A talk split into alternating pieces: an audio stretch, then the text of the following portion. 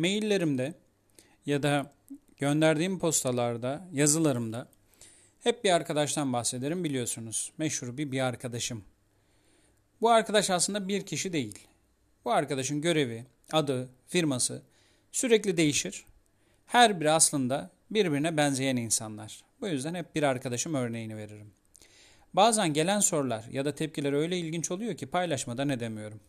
İçinizden bazı daha dikkatli olanlar espri diliyle de olsa paylaşımlarımdaki mesajı yakalıyorlardır. Merhaba ben Ercan Öztürk. Satış mesleğinde 23 yılımı doldurdum ve artık bildiklerimi aktarma zamanı.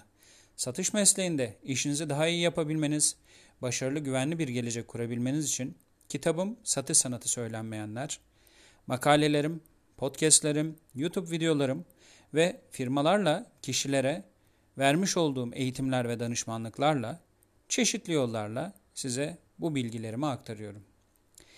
Yine bir gün bir arkadaş, biraz bir Kayserili, şaka şaka, sadece bir arkadaş mail atmış. Udemy'den satış eğitimimi almış. 5 saatlik satış eğitimini izlemiş. Çok iyiydi. Hiç aklıma gelmeyecek fikirler ve bakış açılarına kavuştum. Ancak bir konunda farkına vardım ki ben işe çok yanlış yerden başlamışım. Şimdi kendimi nasıl en başa resetlerim veya her şeyi en başından yoluna koyarım emin olamıyorum. Bulunduğum yerden de değişim yapabilir miyim bilmiyorum. Kısaca durumumu anlatayım size. Nasıl yardımcı olabilirsiniz bana diye soru sormuş. Ve devam etmiş. Bende de herkeste olan ben de satıyorum ürünlerinden var. Piyasanın yarısından fazlası zaten birbirine benzeyen hatta marka olarak dahi aynı olan bu ürünleri satıyor. Ne bir değer katabiliyorum ürünlere ne fiyatı kendim belirliyorum. Daha üst bir fiyatı dahi gerekçelendirme imkanım yok. Müşteri anlamaz en ucuza bakar. Bir ara kendi OEM markamızı yaptırdık. Fiyatta da orijinal markaya göre en az %40 avantajlıydık. Ciddi bir fiyat marjı varmış, fiyat avantajı varmış.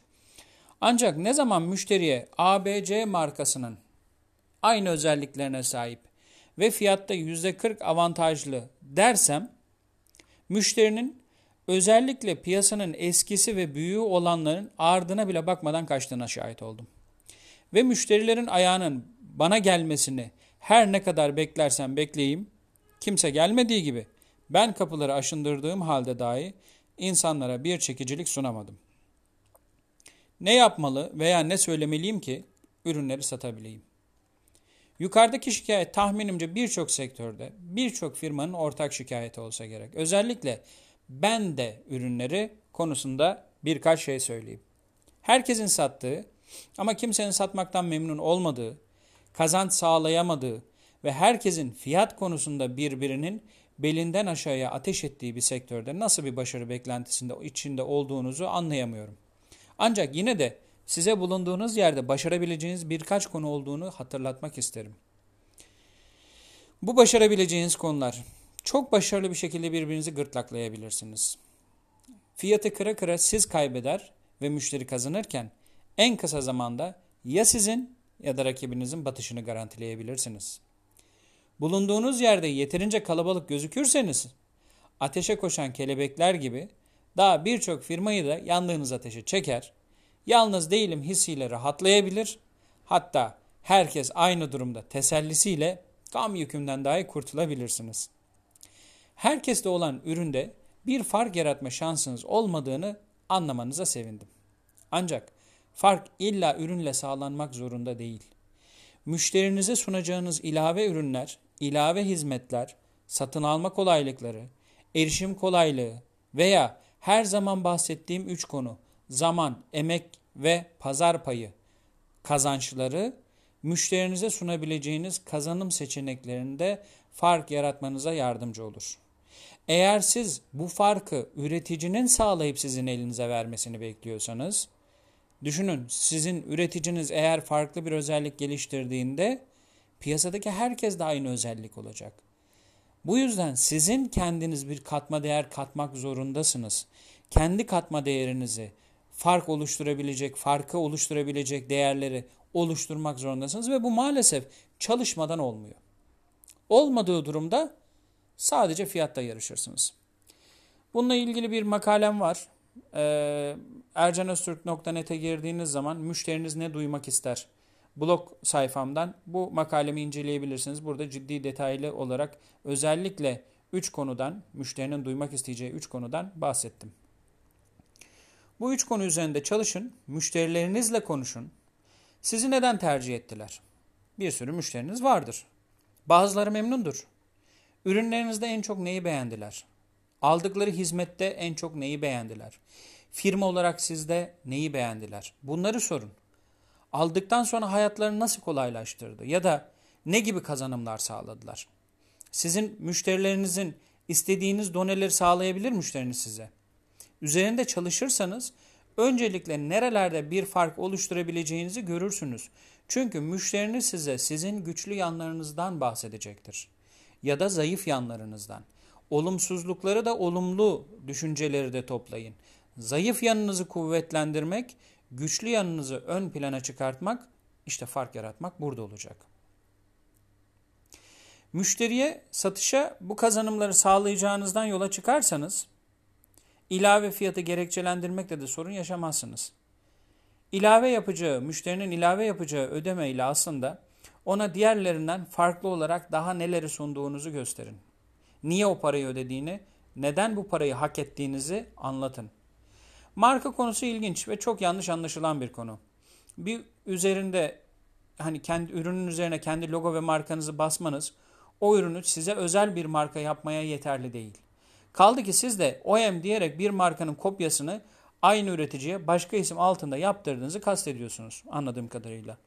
Sadece size şunu diyebilirim.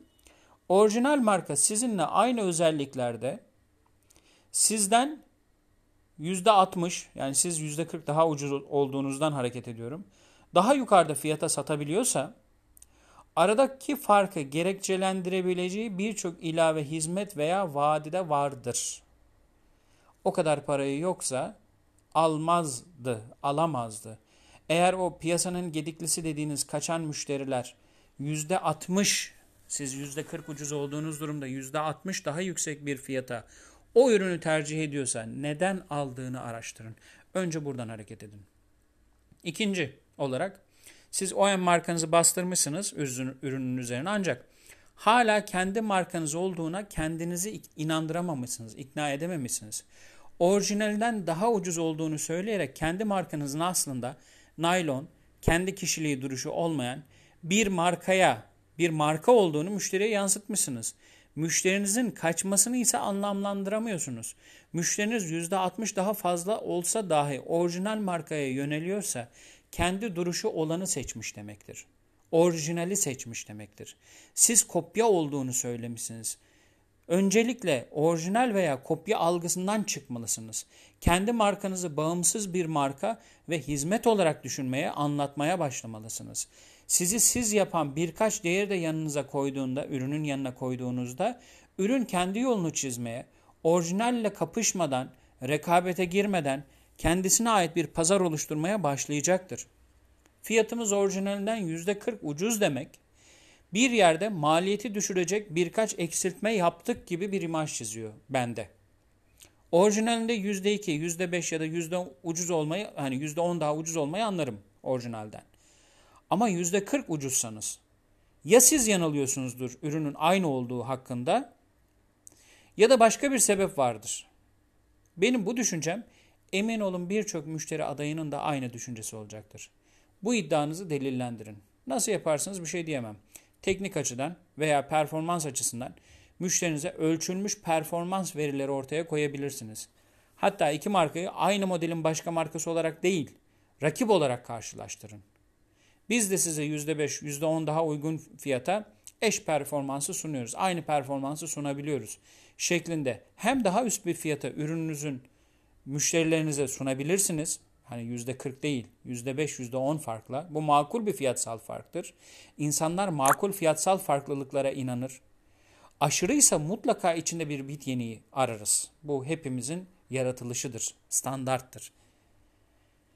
Piyasanın eskileri çok az yanmışlardan oluşur. Çok şey deneyimlemişlerdir onlar. Çok firma görmüşlerdir.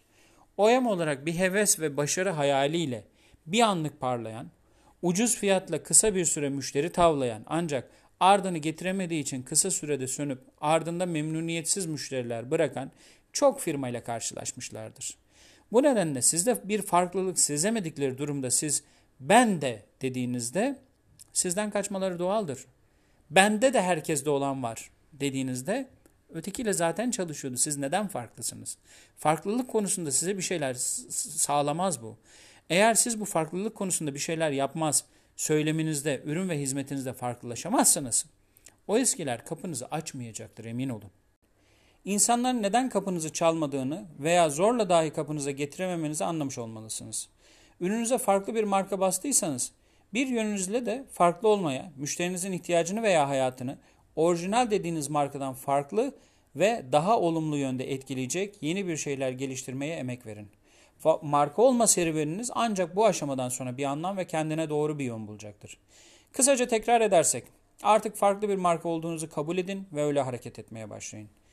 Sizi öne çıkaracak farklılıklarınızı tespit edin ve onlar üzerine bir pazarlama faaliyeti kurgulayın. Fiyatınızı orijinal dediğiniz ürün fiyatına yaklaştırın. Ürünlerinizin performans verilerine çalışın ve rekabete girebileceğinizin delili olarak müşterinize sunun. Bu haftalıkta gönül ablalık bu kadar. Bu arada arkadaşımın mesajındaki marka isimlerini markaların imajlarına zarar gelmemesi için ben de ürünleri olarak kendim değiştirdim bilginiz olsun. Yayınlarıma Google Podcast'ten, Spotify ve Anchor FM gibi podcast sitelerinden erişebilirsiniz. Eğitim duyurularıma ve makalelerime ise www.ercanöztürk.net adresinden ulaşabilirsiniz. Takipte kalın.